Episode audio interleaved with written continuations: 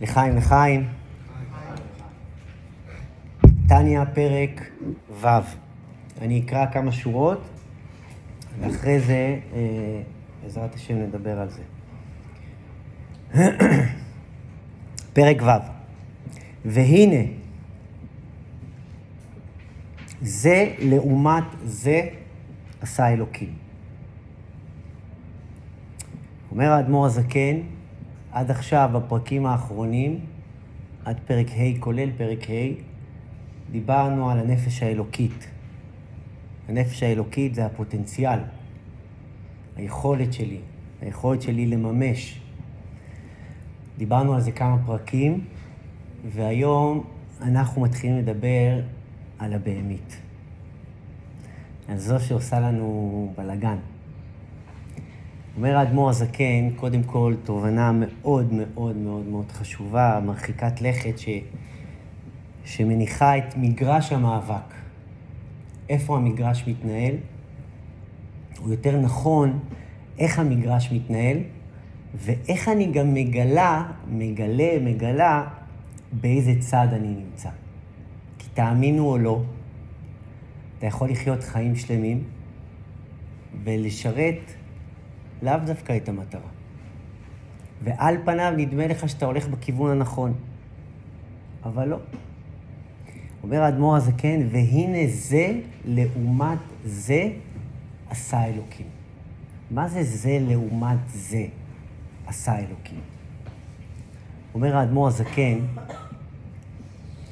שאת אותה אנרגיה, למעט שינויים מסוימים שתכף נדבר עליהם, אבל את אותה אנרגיה שיש לה פוטנציאל שלי, שיש לה נפש האלוקית שלי, אותה אנרגיה יכולה לשרת גם את הבהמית שלי. העולם מורכב מניגודיות. כמו שאנחנו מורכבים מאור וחושך, אש ומים, יום ולילה, איש ואישה, כל זה ניגודיות. יש לי אגו, אגו מול, נגיד, מול מצפון. האגו מאוד מאוד החלטי, לפחות ברגעים הראשונים. המצפון מציק לו מהצד השני. יש לנו כפירה מול אמונה, אינטרס מול הקרבה ושגרה מול התעלות. כל היום שלי אני מורכב מניגודיות. מה, ש... מה שמחדש כאן האדמו"ר הזקן, והנה זה לעומת זה עשה אלוקים. הקדוש ברוך הוא יצר מערכת כזאת, שלכל דבר שתעשה, יהיה לו מתנגד. שלכל דבר שתחשוב שהוא נכון, יהיה משהו שיגיד לך שהוא לא נכון. לכל דבר שהוא יהיה רצוי, יהיה לו את המצוי. לכל דבר שאתה תחשוב שאתה הולך בדרך הנכונה, יהיה מישהו שידפוק לך בדלת ויגיד לך, לא בטוח. ואת זה עשה אלוקים. מה חשוב לדעת שזה עשה אלוקים? כי הקדוש ברוך הוא תכנת את המערכת, ככה זו המערכת. אין מישהו ש, ש, ש, ש, שמתנגד למערכת של הקדוש ברוך הוא. הקדוש ברוך הוא עשה את המשחק הזה, הוא יצר מגרש כזה.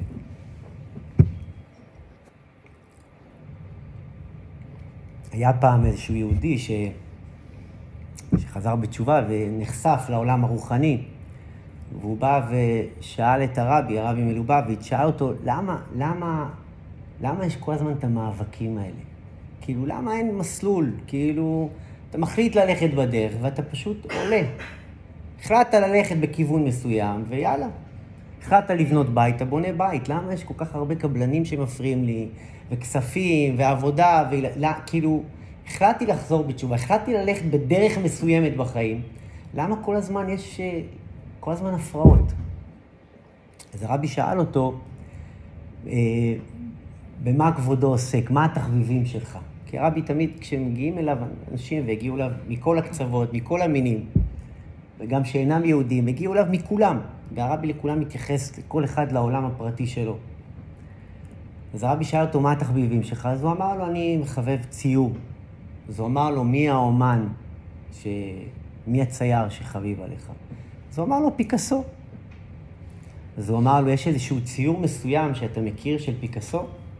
אז הוא אמר לו, כן, שקיעה, שקיעה בים. אני חושב שככה קראו לציור. אז הרבי שאל אותו, מה, מה רואים שם בציור? אז הוא אמר לו, רואים שם איזושהי אה, אה, אישה, ש, זוג זקנים שהולכים לאורך הים, ויש שם איזה כלבלב קטן שעובר, והם עוברים וה, וככה לאור השקיעה. והים עם הגלים. ו... והרבי שואל אותו, תגיד לי, ציור כזה, כמה ציור כזה יכול לעלות? אמר לו, אה, כמה מיליוני דולרים. אז הרבי אומר לו, תגיד לי, אתה מכיר את המצלמות האלה שמוכרים אותן ב-99 סנט? אתם מכירים? במנהטן יש את ה... בכל מקום.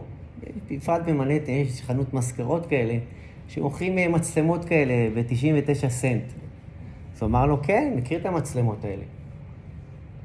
אז הרבי אומר לו, תגיד לי, אם אני אקח את המצלמה הזאת, ואני אצלם באמת, אני אשלם עליה 99 סנט ואני אצלם איזשהו זוג שהולך לאורך השקיעה ועובר שם כלבלב, ואני אצייר את הציור, ותוך כמה שניות תצא לי התמונה, והתמונה תצא אחד לאחד כמו אותו ציור של פיקאסו. כי הוא צייר בדיוק את מה ש... הוא, הוא, הוא צילם בדיוק את מה שיש בתמונה. איך זה יכול להיות ש-99 סנט ייצרו משהו שלכאורה נראה כמו כמה מיליוני דולרים? אז אותו בחור צחק, חייך לרבי ואמר לו, רבי, מה אתה משווה? זה ציור, וזה זה תמונה. אז הוא אמר לו, מה ההבדל? אז הוא אמר לו, בציור זה לא רק האובייקטים שאתה רואה. בציור אתה רואה את הנפש של האומן. אתה רואה את, את, את הנפש שלו. אז אמר, הרבי אמר לו, ישמעו אוזניך מה שפיך דיבר. מלאכים בעולם לא טועים. מלאכים עושים דברים מאוד מאוד מדויקים, כי אין להם טעויות. הם המצלמה המהירה הזאת. אנחנו, בני האדם, עושים טעויות, נופלים, חווים התנגדויות, אבל התהליך שלנו הוא תהליך נפשי, תהליך פנימי. תהליך עמוק. הניגודיות הזו היא מה שמבדילה אותנו, והיא גם מה שנותנת לנו את הערך לעבודה שאנחנו עושים. כי זה העולם. עכשיו תחשבו על זה שכל העולם שלי בנוי ממאבקים. אין לי רגע אחד שאין בו מאבקים. וגם אם יש רגע כזה, רגע אחרי, יבוא סימן שאלה. יבוא איזה משהו שיפריע. אומר האדמו"ר הזקן, תדע לך, זו התוכנית. ככה זה צריך להיות. תכף נדבר למה זה צריך להיות, ואיך אני יודע באיזה צד אני נמצא, כי תתפלאו, קשה להבחין. אומר האדמו"ר הזקן, בואו נדבר על המאבק. בואו נדבר על המגרש הזה, מה קורה בזמן אמת במגרש. אומר האדמו"ר הזקן, כי כמו שנפש האלוקית כלולה מעשר ספירות קדושות, ומתלבשת בשלושה לבושים קדושים. כך הנפש דסיטרא אחרא מקליפת נוגה, תכף אני אסביר, המלובשת בדם האדם, כלולה מעשר כתרין דמסאבותא, שהן שבע מידות רעות הבאות מארבע יסודות רעים הנזכרים לעיל. אומר האדמו"ר הזקן, כשאני רוצה להבין מי כאן משחק במשחק? מי כאן מוביל במשחק? הנפש האלוקית או הנפש הבעמית, אומר האדמו"ר הזקן, שאלה שאני צריך לשאול, מה מניע אותי? מה מניע אותי באותה סיטואציה שאני נמצא? ואני אסביר, כי זה עמוק. זה, זה, אני אומר, מניח את זה רק במקרו, אבל בואו נדבר על זה קצת. אדמו"ר הזקן אומר שיש אנרגיה, שאת אותה אנרגיה, אותה אנרגיה בדיוק, השימוש שאני אעשה באותה אנרגיה, יחליט אם האנרגיה הזאת הולכת למקום הנכון הולכת למקום הלא נכון.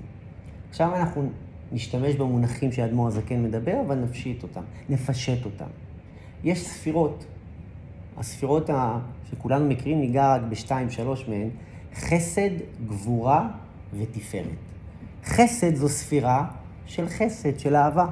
גבורה זו ספירה של יראה, תכף אני אסביר. ותפארת זה התקללות. מה זה אומר? אם אני אגיד בשפה פשוטה, חסד עניינה אהבה. אהבה על פניו זה דבר שנשמע דבר חיובי. איפה אהבה יכולה להיות דבר חיובי, ואיפה אהבה יכולה להיות דבר לא חיובי.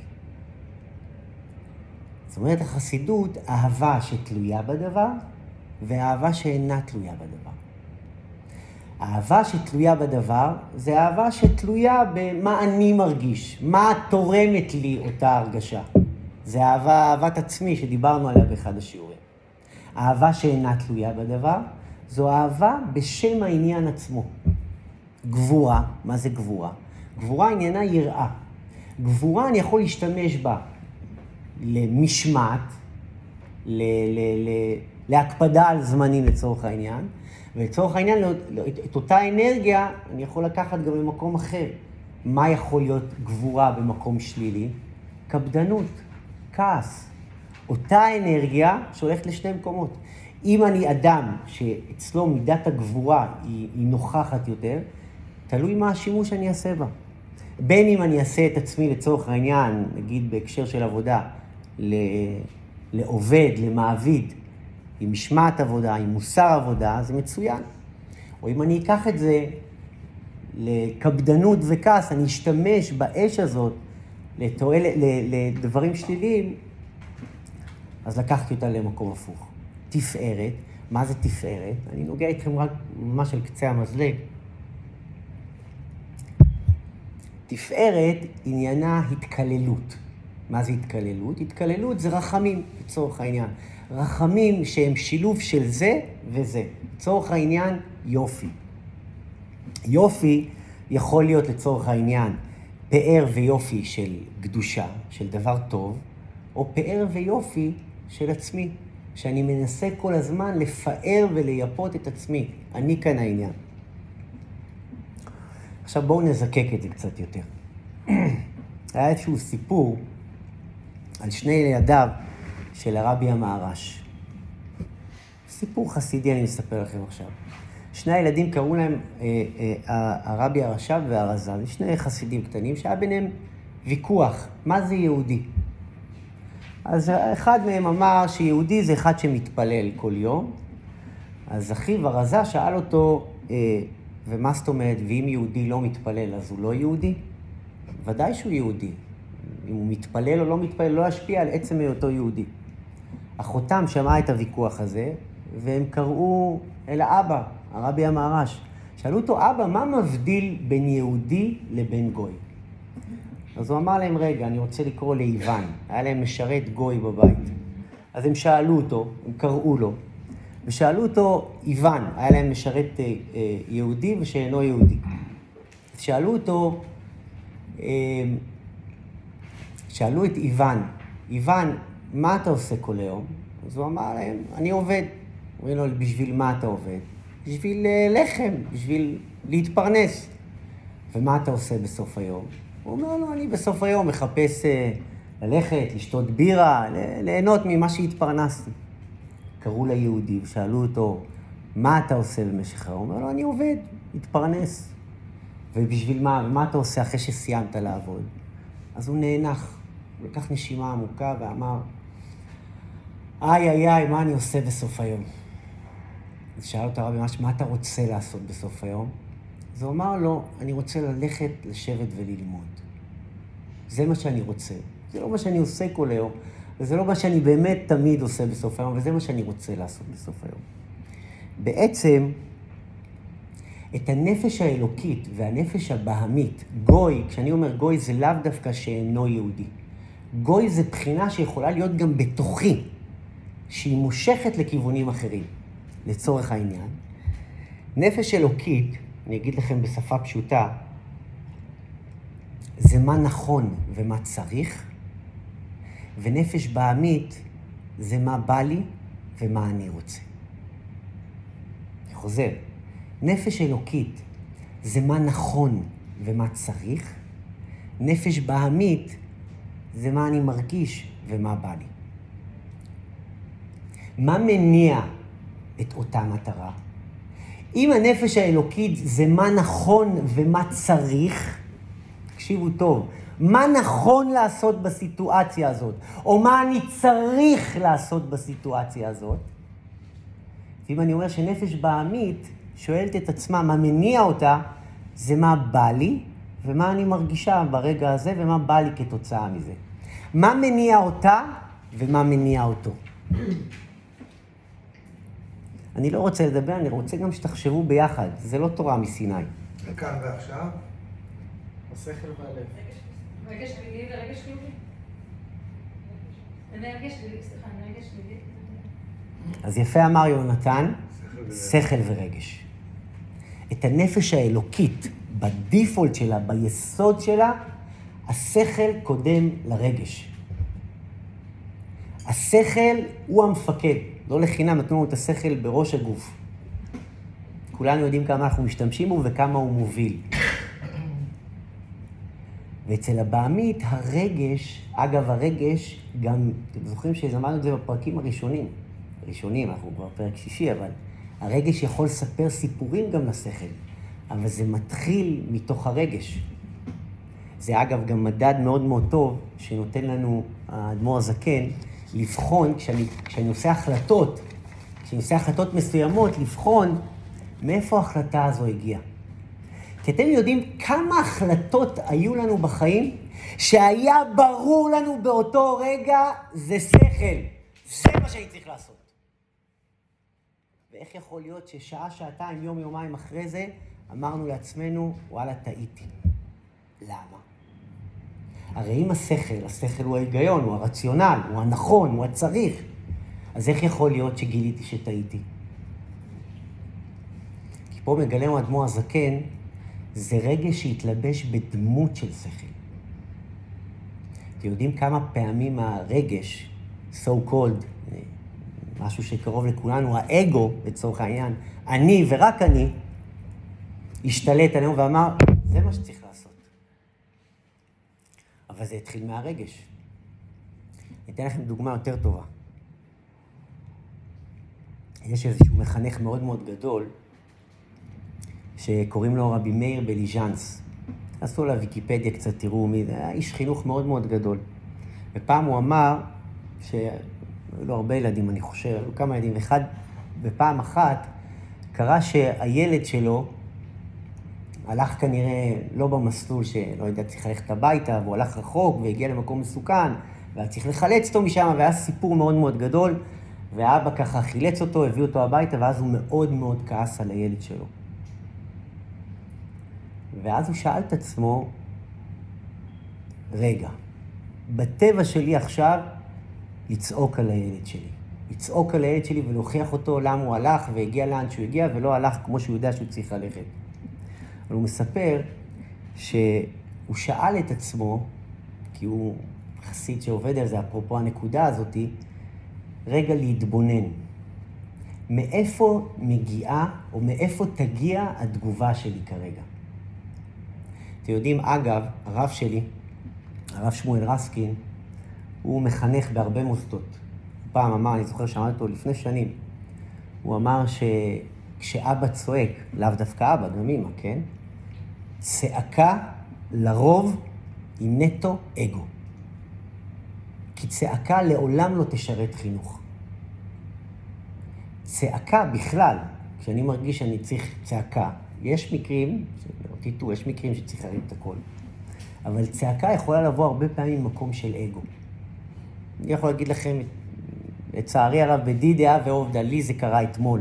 קרה אתמול בבית. מקרה קטן, יש לי שלושה ילדים קטנים, אבל uh, מנדי הקטן לקח uh, איזשהו צעצוע, והצעצוע הזה היה שייך לעלמה. ועלמה ירדה מה, מהחדר שלה, ראתה את מנדי עם הצעצוע, והיא באה ו, וחטפה לו את זה, אמרה לו, מה זאת אומרת, זה צעצוע שלי. אז אני ככה ראיתי איך היא חוטפת את זה ב... אז, אז לצערי הרב צעקתי עליה. לא צעקתי, אבל הרמתי עליה את הקול. אמרתי לה, למה את לוקחת את הצעצוע ממנדי. זה לא יפה. את יכולה לבקש ממנו, את יכולה לדבר איתו, את יכולה להסביר לו, אבל למה ככה זה? כי הוא מיד התחיל לבכות. אז מנדי שמע, זה, זה חיברתי בדיעבד, אבל מנדי שמע את הגיבוי שלי, אז הוא לקח ממני את זה בחזרה ו, וגם דחף אותה. ואז היא התחילה לבכות, ואז אני העברתי את הצעקה, במקום לעלמה, צעקתי על מנדי, ואז נוצרה, נוצרה מסיבה בבית. ואז הוכחתי את מנדי, וזה הלך ו... ואני אגיד לכם את האמת, אחרי זה, לא הרבה אחרי זה, שאלתי את עצמי, למה באמת צעקת את עצמי? ואני אגיד לכם את האמת, האמת הייתה לא נעימה. לא נעימה לי. כי צעקתי עליו לא כי באמת רציתי להוכיח אותו. כי צעקתי עליו כי, כי לא היה בא לי באמת לטפל בבעיה ובאמת להקשיב לבעיה. פשוט רציתי שקט באותו רגע, הייתי גם אחרי צום, תשעה באב וכו' וכו', ואז הגבתי לזה. על פניו זה היה נראה לי מאוד מאוד חינוכי. אבל לפעמים, שימו לב, זה לעומת זה עשה אלוקים. בעצם אומר לנו האדמו"ר הזקן, תקשיבו טוב, קו כזה דק, חוט השערה מבדיל בין המעשה הנכון למעשה הלא נכון. זה כל כך דק וזה כל כך עדין, שאם לא נשאל את עצמנו, תכף האדמו"ר הזקן יגיד לנו מה, מה, מה השלבים בדרך לה, לאבחן ביניהם, אבל אומר לנו האדמו"ר הזקן, תדע לך, אותה אנרגיה, אותו כוח, זה, זה משאית נוסעת, שאתה פשוט מחליט לאיפה אתה נוסע, אבל זה אותה משאית, אותו רכב, שאו שהוא נוסע הביתה, או שהוא נוסע... פעם שמעתי דוגמה, אתם יודעים, לנשיא ארה"ב יש Air Force 1 ו-Air Force 2. אתם יודעים למה? אחת הסיבות, ככה אומרים, שזה מבחינת אה, אבטחה, כדי להטעות את האויב. כמו שלראש הממשלה לצורך העניין, אתם יודעים שיש לו שני רכבים. למה יש לו שני רכבים? כדי שלא, שלא יעלו עליו. שני רכבים דומים, מה זה דומים? הם אחד לאחד, רק שבאחד מהם נמצא ראש הממשלה. אומר האדמו"ר הזקן, תדע לך, יש שני רכבים בדיוק אותו דבר. בדיוק. רק שבאחד מהם לא נמצא ראש הממשלה. אתם מבינים כמה זה דק? כמה זה מבלבל? עכשיו קורא לזה האדמו"ר הזקן, שימו לב, קראנו את זה מקודם, קורא לאדמו"ר הזקן, אם קראנו לזה נפש אלוקית ונפש בעמית, שזה מאוד מאוד ברור. האלוקית מסתכלת על המטרה, היא מסתכלת סביבה, והבעמית זו אותה בהמה שמסתכלת בעצמה. כאן אומר האדמו"ר הזקן, תדע לך, זה מאוד מאוד דק, זה הרבה, זה, זה כל כך לא ברור וכל כך, יש איזשהו אפור, יש איזשהו משהו אפור שמטשטש. וקורא לו האדמו"ר הזקן, תקשיבו טוב, סיטרא אחרא. זה בארמית. אתם יודעים מה פירוש המילה סיטרא אחרא? זה לא? זה, זה, זה הדבר הלא טוב, נקרא לזה ככה, אבל בפירוש, פירוש מילולי, סיטרא אחרא, סיטרא זה צד, אחרא אחר. קורא לזה האדמו"ר הזקן צד אחר. מה זה צד אחר? מה זה צד אחר? או אלוקית, או בהמית, או טוב, או רע, תגיד לי, או שאתה הולך לפה, או שאתה הולך לפה. אומר לך האדמו"ר הזקן, בוא, בוא, בוא, בוא, בוא, תגיד שלום, תגיד שלום לבהמית החדשה. אתם יודעים איך קוראים לבהמית החדשה? כי אנחנו בעולם של מאוד מאוד דיכוטומי. טוב או רע, נכון או לא נכון. אתם יודעים איך קוראים לחסידות, תקשיבו טוב, ליצר הרע, לנפש הבעמית, למשהו שהוא על פניו מאוד מאוד מוחלט וברור? אתם יודעים איך קוראים לו? לא נורא. שמעתם פעם על השם הזה לא נורא? מה? או... אתם יודעים, שימו לב כמה זה... אני כל כך מתחבר ל, ל, באופן אישי, כל כך לגישה הזאת, כי זה... זה נותן אור, באמת באמת אור חדש. אתם יודעים, יש, יש כזה משפט ש... יש כזה משפט שאומר, קודם כל, לא נורא, מה זה לא נורא? מה זה לא נורא? לא נורא זה משהו שכולנו משתמשים בו די הרבה, אבל לא נורא זה למשהו שעשית לא מדויק, אבל לא נורא. עכשיו, יש באמת דברים שהם לא נוראים. מה הבעיה? שהלא נורא הוא הכניסה לנורא. שהלא נורא הוא בדיוק הדלת לנורא המוחלט. אלא מה? לא נורא. אומר לך אדמו"ר הזקן, מה אתה באמת חושב? אם זה לעומת זה עשה אלוקים, אתה באמת חושב שהרע הוא מוחלט וברור? הרי בוא, אתה נופל אליו כל יום, אלף פעם ביום. למה? כי הוא לא נורא. אתם יודעים, יש משפט שאומר, העולם אומר, לא מועיל, לא מזיק. מכירים את זה? לא הועלת, לא הזקת. החסיד אומר, לא מזיק, לא יועיל. מה ההבדל ביניהם? תקשיבו טוב, זו נקודה מאוד מאוד חשובה. העולם אומר, לא מועיל, לא מזיק. החסיד אומר, לא מזיק, לא יועיל. מה ההבדל בין שניהם? ופה אתה מעגל פינות, ופה אתה אומר, אם זה לא מזיק, בשביל מה? לא צריך. יפה. הרעיון הוא לא להזיק או לא להזיק. השאלה היא לא אם הזקת או לא הזקת. השאלה היא אם הועלת או לא הועלת. עכשיו, תדעו לכם, זה מרחיק לכת. למה? אתם יודעים, פעם אמרה אה, מירי רגב, פעם היא אמרה, היא אמרה את זה בתקשורת, אז היא הייתה שרת התקשורת, ואתם יודעים, מאז שידורים של כאן, זה היה התחליף החדש לערוץ אחד, ו, והיה כל מיני, שיד, כל, מיני, כל מיני בבואות כאלה של זה יהיה ערוץ אחד או לא יהיה ערוץ אחד, זה יהיה חלק מזה או לא חלק מזה, אז כאן ניסו להיות באיזשהו שלב בבואה, ניסו להיות אחרי זה ערוץ בפני עצמו, אז, אז, אז מירי רגב אמרה להם, אה, זה או שאתם איתנו, או שאתם נגדנו. אין באמצע. אתם יודעים מה אנחנו עושים הרבה פעמים? אנחנו מתים על האמצע. כי האמצע מאפשר לי. אנחנו אוהבים את ה... איך קוראים לזה? פרווה. גם וגם.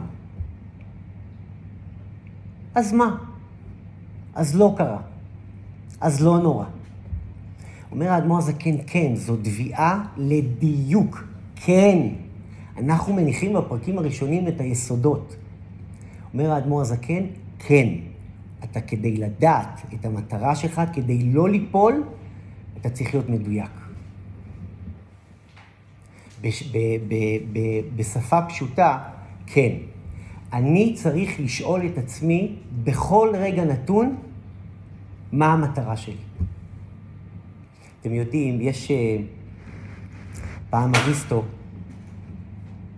עמוס, ברוך הבא. הנה, אתה מגיע בזמן, הכל טוב. זה התלמיד שאמרתי לו, בוא. שלום. אין, אה, או מהמרפסת או באחת השפות.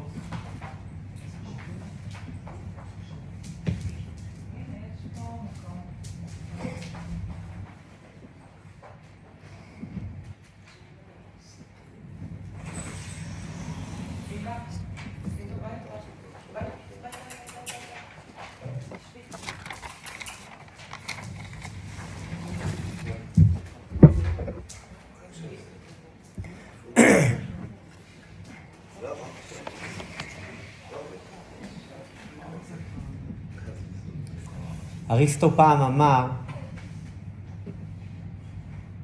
המור, אה, אה, הוא אמר, הזמן הוא המורה הגדול ביותר שהרג את כל תלמידיו.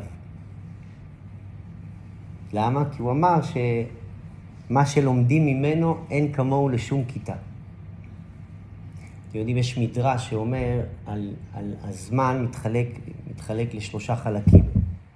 יש זמן מדכא, זמן פרודקטיבי וזמן פורה. אה, סליחה, יש זמן מדכא, זמן פרודקטיבי וזמן גאולה, זמן נצחי. מה זאת אומרת? זמן מדכא זה כשאתה, כשאתה נטול יצירתיות. זמן פרודקטיבי, שאתה יצרני, שאתה מייצר כל רגע. ומה זה זמן אה, נצחי? זה זמן פורה, שאתה מעל הטבע. מה זה מעל הטבע? אומר שם אריסטו, זה, לא אריסטו אומר את זה, אבל אה, כשאתה מצליח לקרוא את צו הזמן. מה זה כשאתה מצליח לקרוא את צו הזמן? אז נותנים שם כמה דוגמאות. כשאתה מתכנן, סתם דוגמה, היה שם איזו דוגמה, כשאתה מתכנן לעשות משהו והילדים מפריעים לך לעשות את הדבר הזה, אז אתה לא נאבק עם הילדים שלך, אלא אתה מניח לדבר הזה ומשחק עם הילדים. דיוק, אומר האדמו"ר הזקן, דיוק, האדמו"ר, אומר האדמו"ר הזקן, זה משהו שהוא כורח הזמן שמאפשר לך להתקדם לכל מקום שאתה רק תרצה להיות. עכשיו אומר האדמו"ר הזקן, הסמן שצריך להיות לך שמה, זה מה מקור המידה שלך, מה מפעיל אותך באותו מקום, השכל או הרגש. עכשיו אני רוצה לקרוא את זה יחד איתכם. אומר האדמו"ר הזקן, תקשיבו טוב, כי הנה המידות, כי הנה המידות הן לפי ערך השכל. המידות הן לפי ערך השכל, כי הקטן חושק ואוהב דברים קטנים פחותי הערך, לפי ששכלו קטן וקצר להשיג דברים יקרים יותר מהם, וכן מתכעס ומתקצף מדברים קטנים. תראו איזה יופי. אומר האדמו"ר הזקן, מה מוביל אותך, השכל או הרגש? נדייק יותר, כמה השכל שלך גדול או כמה השכל שלך קטן. איזה יופי זה. מה הוא אומר? כי המידות הן לפי ערך השכל. כי הקטן חושק ואוהב דברים קטנים פחותי הערך. לפי ששכלו קטן וקצר השיג. תראו איזה דבר יפה זה. אתם יודעים, מה קורה לנו כשאנחנו מתבגרים? ואגב, אנחנו מתבגרים תמיד. כל דבר, שימו לב שכל כל, כל תהליך ההתבגרות שלי, כל פעם כשאני מסתכל אחורה על הדברים שעשיתי בעבר, מה לרוב המסקנה שלי? איזה ילד הייתי. עכשיו, איזה דבר מדהים זה, זה בדיוק מה שהוא אמר, כי, כי זו האמת, האמת הפשוטה. איזה ילד הייתי, בדיוק, כי הקטן חושק ואוהב דברים קטנים פחותי הערך. אה, זה עניין של בגרות. עכשיו, איך זה יכול להיות שברגע נתון אני משתעבד לזה? ודווקא כשאני מתבגר, אני רואה את הדברים אחרת. אתם יודעים, אני קראתי לפני כמה ימים, ש... שאומרים, כתבתי את זה גם באחת הקבוצות, שנחרב בית המקדש על סתם. אומרים שנאת חינם. מה זה שנאת חינם? על סתם. כי לרוב אנחנו מאבדים דברים על סתם. אז אומר האדמו"ר הזקן, במה אתה משתמש? בשכל או ברגש? מה מוביל אותך? ככל שתגדיל יותר את השכל, ככל שהשכל שלך יוביל, ככה המידות יראו בהתאם לזה. ככל שהרגש יוביל, אז קטן, קטן מתעסק בדברים קטנים, גדול מתעסק בדברים גדולים. והנה הם, אומר האדמו"ר הזקן, כל המעשים אשר נעשים תחת, אשר, תחת השמש, אשר הכל הם הבל ורעות רוח. מה זה הבל ורעות רוח? אומר האדמו"ר הזקן, אתם יודעים מה זה הבל? מה פירוש המילה הבל? אתם יודעים, כתוב, אה, אה, שקר החן והבל היופי. מה זה הבל? הבל זה הבל פה. כשאתה מוציא משהו מהפה, עכשיו, אם הוצאת משהו טוב, אז הוצאת משהו טוב. אבל אם הוצאת משהו הבל מלשון, אה, נגיד בלשוני, אבל, אז זו אותה אנרגיה, איך השתמשת בה. אותו דבר גם לגבי יופי. שקר החן והבל היופי. מה זה הבל היופי? יופי זה כשאישה משתמשת ביופי שלה למטרה טובה, עבור בעלה, עבור הדברים הנכונים בשבילה, בשביל בעלה, זה, הבל, זה, זה יופי שמוצא את מקומו. ובדיוק ההפך. אומר האדמו"ר הזקן, עכשיו תקשיבו טוב. אומר האדמו"ר הזקן, שזהו פירוש לשון סיטרא אחרא, פירושו צד אחר שאינו צד הקדושה. אומר האדמו"ר הזקן, כל מה שאינו בטל אצלו יתברך, אלא הוא דבר בפני עצמו, אינו מקבל חיות מבחינתו של הקדוש ברוך הוא, מבחינת פנימית, אלא מבחינת אחוריים. עכשיו תקשיבו טוב. מישהו יודע מה זה קליפה? מה זה קליפה? קליפה, אתם, אנחנו שומעים את זה בכל מיני הקשרים. יפה. בואו ניקח את הדבר הכי פשוט שכולנו מכירים. תפוז. בננה, איזה פרי שתרצו. יש את התפוז ויש את הקליפה של התפוז. מה מבדיל בין הקליפה לתפוז? מה האמת בפרי? מה? התפוז. הפנים. ומה הקליפה? אוקיי, יפה. עכשיו, מה צריך לעשות כדי לגלות את הפרי? לקלף. לקלף. שימו לב, זה משל, אבל משל, אתם יודעים, קליפה זה מונח בקבלה למקום האחר, למקום הלא נכון.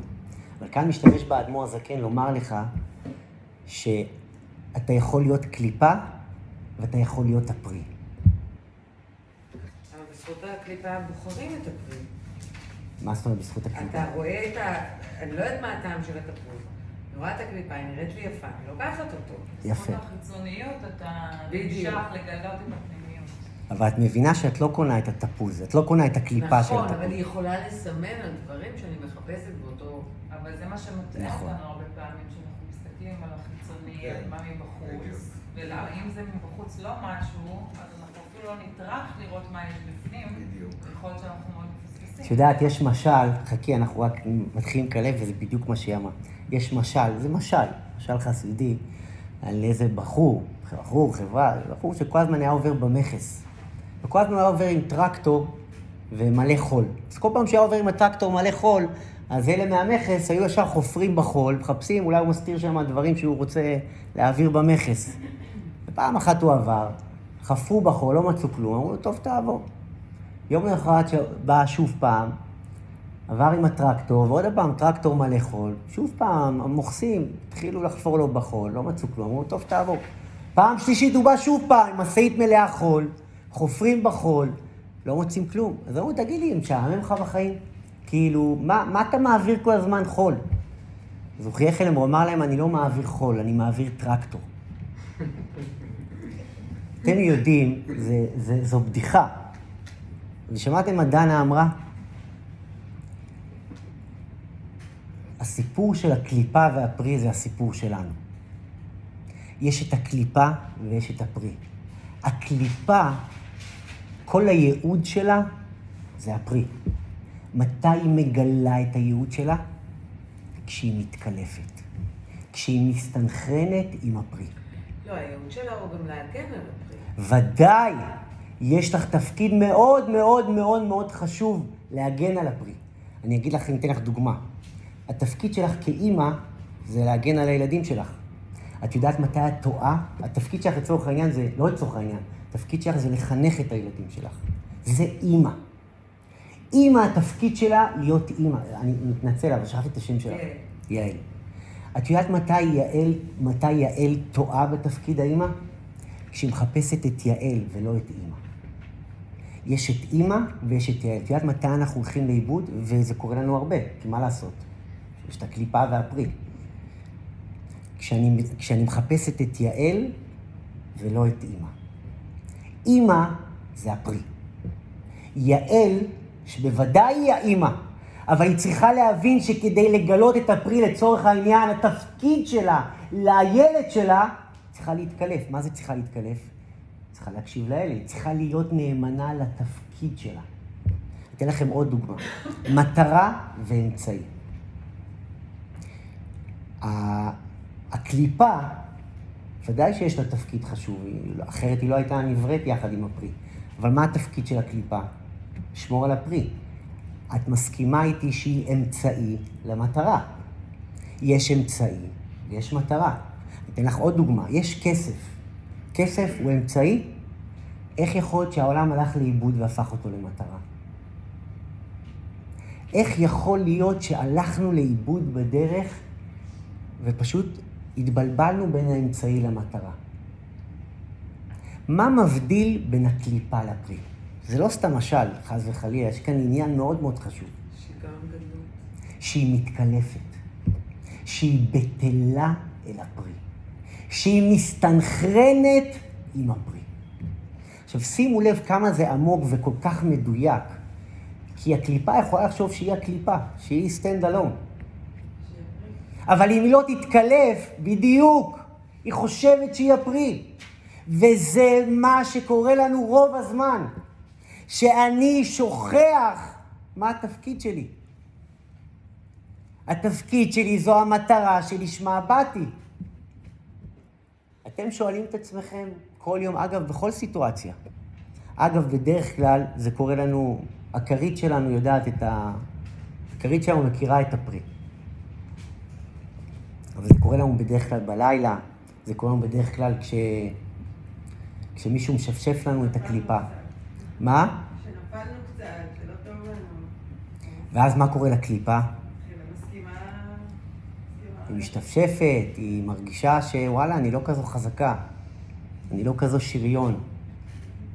אבל הקליפה גם יכולה להיות אובר מגננה, או- או לפעמים אנחנו בחיצוניות שלנו, אנחנו עושים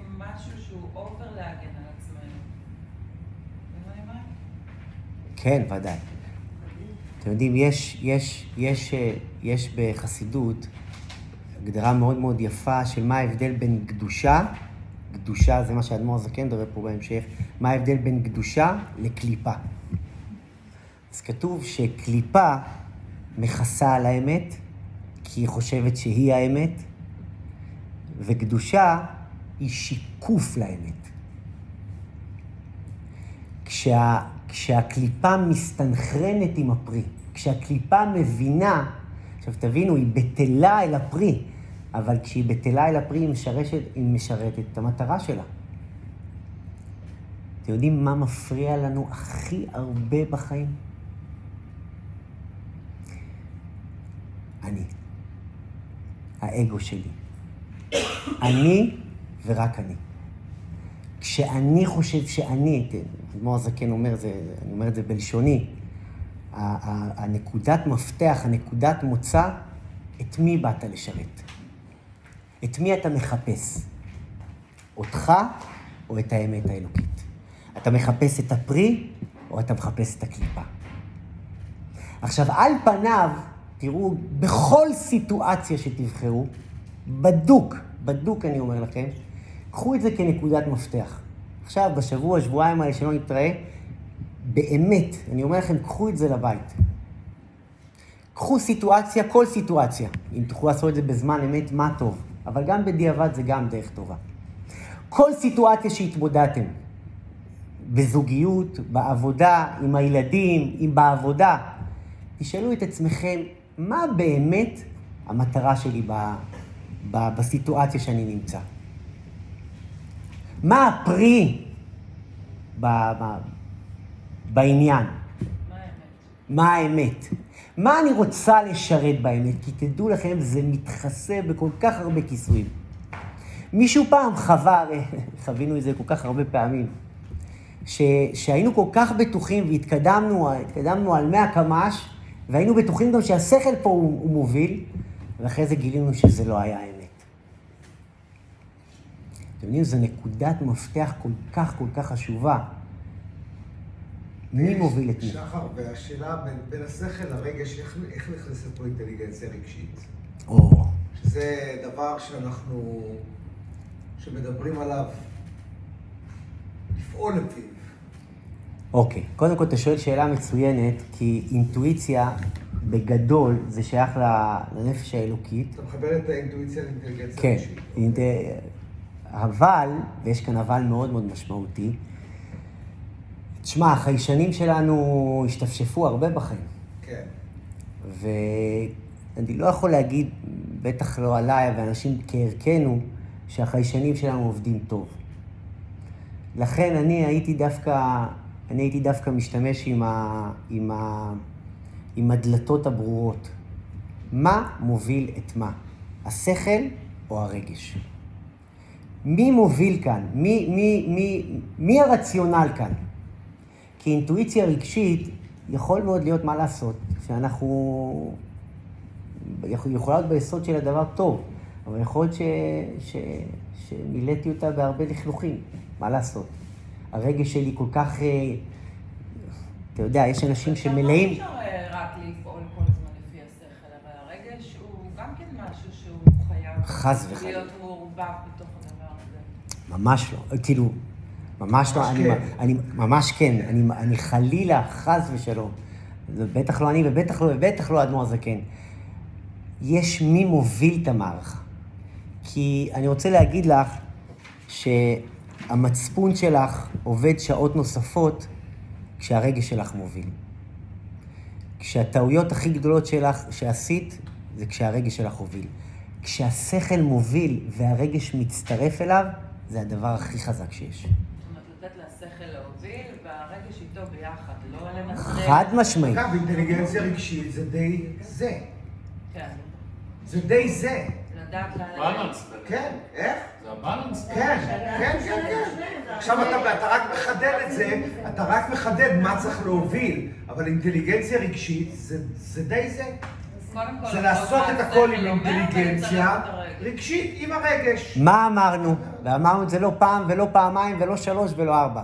חב"ד, חוכמה, בינה ודעת. חוכמה זה הדבר, זה הרציונל, זה המוח. יש הממשלה של הגבר, הפרקטיקה, מה נכון.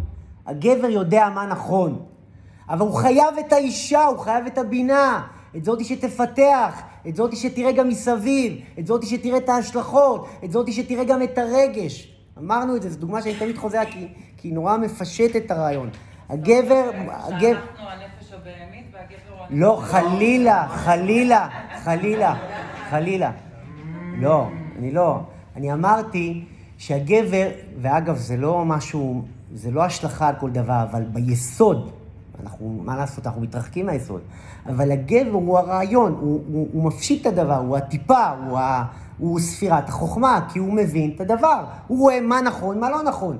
אבל איך, איך, איך אני אעשה דבר נכון אם אני לא אסתכל על מה שמסביב לו? אז בניתי בית, אבל בבית אין אהבה.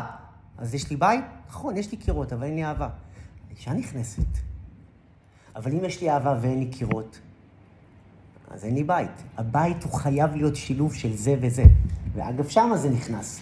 אבל כשהחוכמה, כשה, כשה, כש, כשזה קודם כל מוביל, כשהשכל קודם לרגש, הרגש מצטרף. את יודעת איזה הרמוניה יש בדבר כזה? אבל אנשים לא מבדילים בכלל בין רגש לבין שכל. או...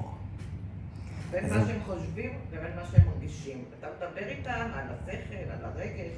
מאיפה בן אדם בכלל יודע להבדיל?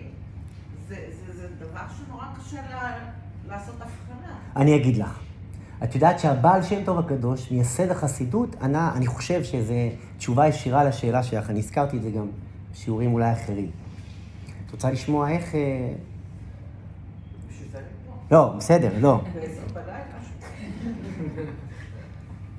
תקשיבו טוב, היא שאלה שאלה מצוינת, איך אפשר? קודם כל, אני חושב שהרבה פעמים אני יכול להבחין.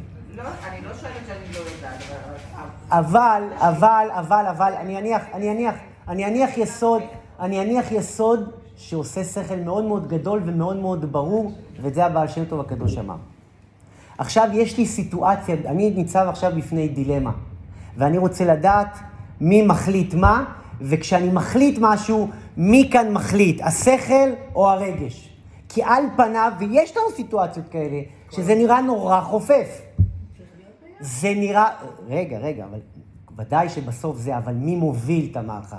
כי כשאני מבין מה נכון, אז לצורך העניין, אני אדע אם, לא יודע מה, אם להרים אלייך את הטלפון עכשיו או אחר כך.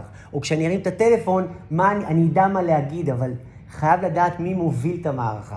עכשיו תקשיבי טוב. לפניי ניצבת דילמה אם להחליט ימינה או שמאלה, אני גם לא יודע מה זה ימינה או שמאלה, או מה זה אלוקית בהמית, או מה זה שכל או רגש. את יודעת מה אומר הבעל שם טוב הקדוש? אין אמצע. דיברנו על זה. אומר האדמו"ר. אה, הבעל שם טוב, אומר, קח את הסיטואציה, תוציא את עצמך מהסיטואציה, ותשאל עכשיו מה צריך לעשות.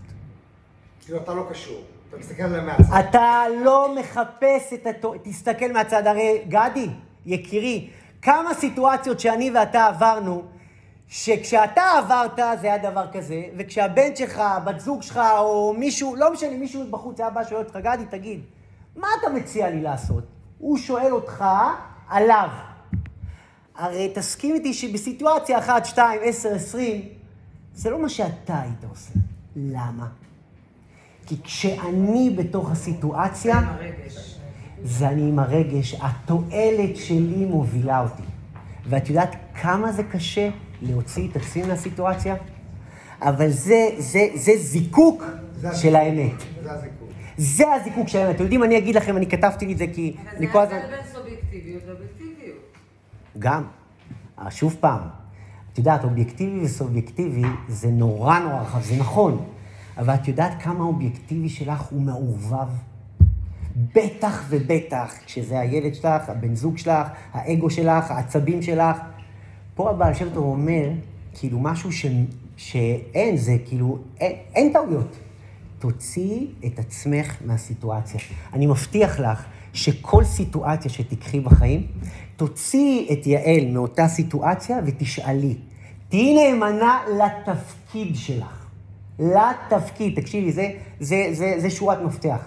מה התפקיד שלי בסיטואציה? התפקיד שלי, לא מה אני מרגישה, לא מה אני רוצה, לא מה אני חושבת גם. מה התפקיד שלי בסיטואציה הזו? את יודעת כמה קשה לשאול? כי אני לא רוצה, אני רוצה להגיב, אני רוצה לכעוס, הוא פגע בי, הוא לקח לי, הוא עשה ככה, הוא עשה... מה התפקיד שלי? התפקיד שלי, בכלל, השאלה הזאת מעצבנת אותי בזמן אמת. אני רוצה להגיב, אני... אנחנו, אנחנו בהמה, אנחנו כאן ועכשיו. התפקיד שלי מבודד אותי, כי יש אותי ויש את התפקיד שלי. או...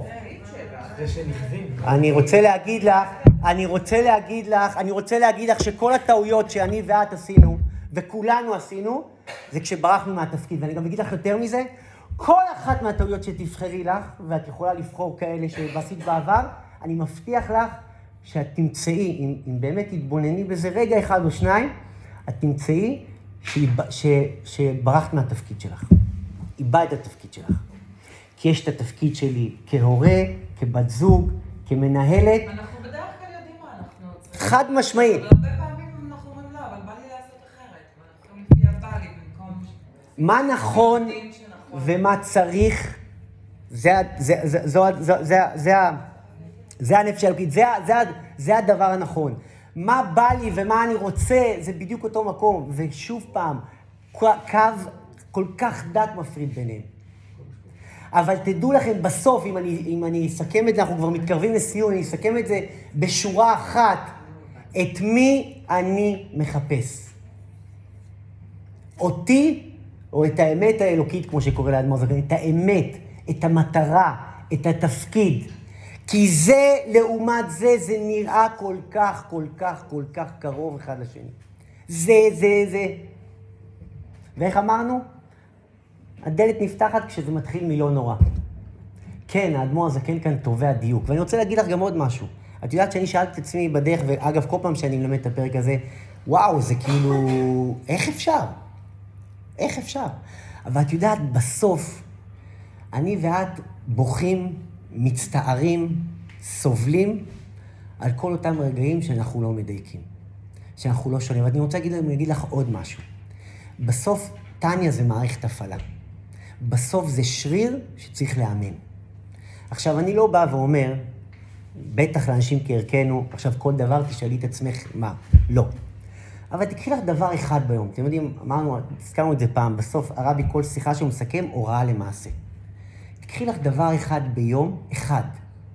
כשאני נכנסת הביתה, כשאני הולכת לעבודה, כשאני באוטו, משהו אחד שאת מאותגרת שמה, ותנסי לבודד את הרגשות שלך ולחפש את המטרה. לחפש את התפקיד שלך. תתחילי מהדברים הקלים. יש לנו דברים קלים ויש לנו דברים קשים. אני אומר לך, זה שריר שככל שנפתח אותו, המוח אוטומטית, כן, המוח, ואגב, אינטואיציה רגשית, הוא הולך למקומות האלה. הוא יגיד לך, הוא... בסוף הרי מה קורה? זה כמו שריר שאתה מאמן, והשריר פשוט מתפתח. ואז צריך לעלות ל- לאתגר יותר גדול, ואז צריך להוסיף משקל. אבל זה העניין. להיות. יותר ויותר מדויקים ולשים לב את מי אני מחפש בסיטואציה הזאת. והכל זה כן, זה דיוק, זה עניין של, של תזוזות וכן. אנחנו קוראים לזה, קוראים לזה, האדמו"ר הזקן קורא לזה בלשון, אתם עוד תשמעו את המונח הזה הרבה פעמים, ביטול. להיות בטל. בטל האמת האלוקית, בטל אל הפרי. לפרי זה התפקיד, זו האמת. כי אני מפריעה לאמת. אני מפריעה לאמת כשאני חושבת שאני הסיפור האמיתי. אתם יודעים, האישה הראשונה, אני לא אשכח, שפגשתי אותה לפני שנים, אישה מאוד מאוד חכמה, שמתעסקת בהרבה דברים חזקים, שהיא אמרה לי פעם, שאלתי אותה מה זה טניה, אז היא אמרה לי, הטניה מגלה לך שהעניין זה לא אתה. אז אמרתי, אני לא רוצה ללמוד טניה. אם העניין זה לא אני, אז היא אמרה לי, כשאתה מבין שזה לא אתה, אתה מגלה מזה אתה. כי אנחנו מפריעים לעצמנו, זה, לא לזוז. כשאתה, כשאתה מתבטא לצורך העניין...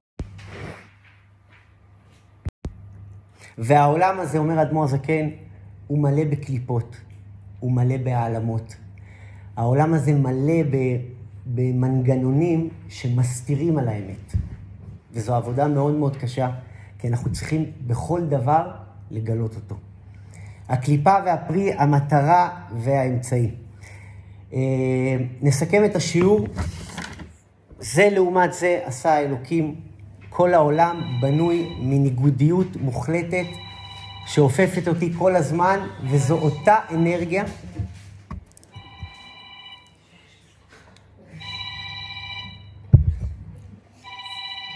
מספר? לא מחר. כאילו, שואל, מה? סליחה? אמרת בהתחלה שאתה גם תספר למה למה בעצם מה אני יפה. אז אתה שואל שאלה שאנחנו נדבר עליה בהמשך, אבל הניגודיות הזו מפתחת אותך. הניגודיות הזו מרוממת אותך. המשקלים האלה, כמו במכון כושר, זה בסוף מפתח אותך. כי בסוף, למה ירדנו לעולם הזה? בסוף ירדנו כדי לקחת, זה פרקים מאוד מאוד מתקדמים בתניא, כי בסוף יש בשורה גדולה. כי את הבהמה הזו, זו הפרה הזאתי, אתה נכנס עכשיו, אתם נכנסים עכשיו, אבל הדבר ה- כאילו הטמא והאסור הזה, אם נשכיל להשתמש בו למקום הנכון, אז תחשוב שלצורך העניין התאוות שלך, האהבה החומרית שלך, תהיה אהבה רוחנית. כשהרצון שלך יהיה רצון להיות טוב יותר.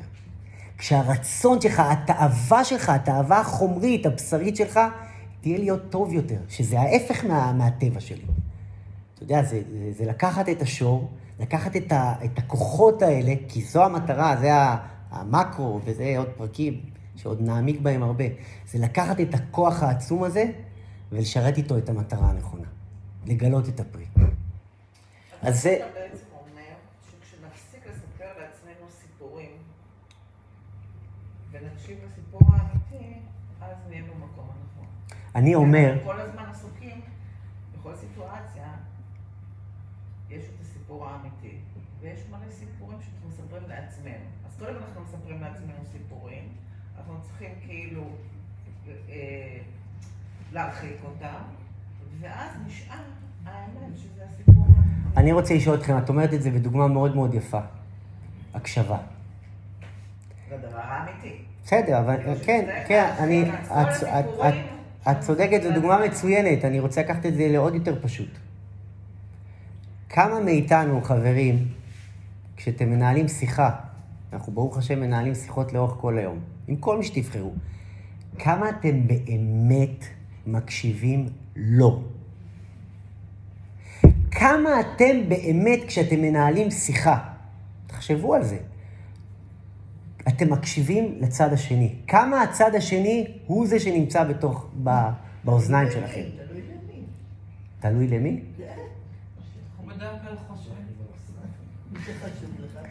אז קודם כל אני רוצה להגיד לך, או, טוב, את כבר, את כבר אה, משתמשת בזה. אגב, זה, זה לא ניכנס לזה כי זה שיעורים נוספים, אבל כל בן אדם שפגשת בחיים צריך להקשיב. זה לא שאנחנו עושים את זה, או לא עושים יותר פחות. יש אנשים שהם סתם מדברים, העיקר הם מדברים. או, זה, זה כבר עניינים של אה, זה. אבל את יודעת מה, אני אקח איתך את האנשים שכן רוצים להקשיב. קשה לנו מאוד להקשיב. קשה לנו מאוד להקשיב, כי אני, אני, אני לוקח לי בדיוק שנייה ואני מתחיל לחוות דעה תוך כדי הקשבה. מה? אתה רוצה לפעמים שאתה רוצה שיהיה לו טוב, ואז אתה מתאמץ. ומוכן לתת את עצמך בשביל להקשיב לו. כן, זה התוצאה, אבל אני מדבר על עצם ההקשבה. קשה לנו להקשיב. הקשבה אמיתית זה כשהמדבר רק הוא נוכח. אין דבר כזה, זה לא מחזיק. אצל הצדיק, אצל האנשים שבאמת... כי למה?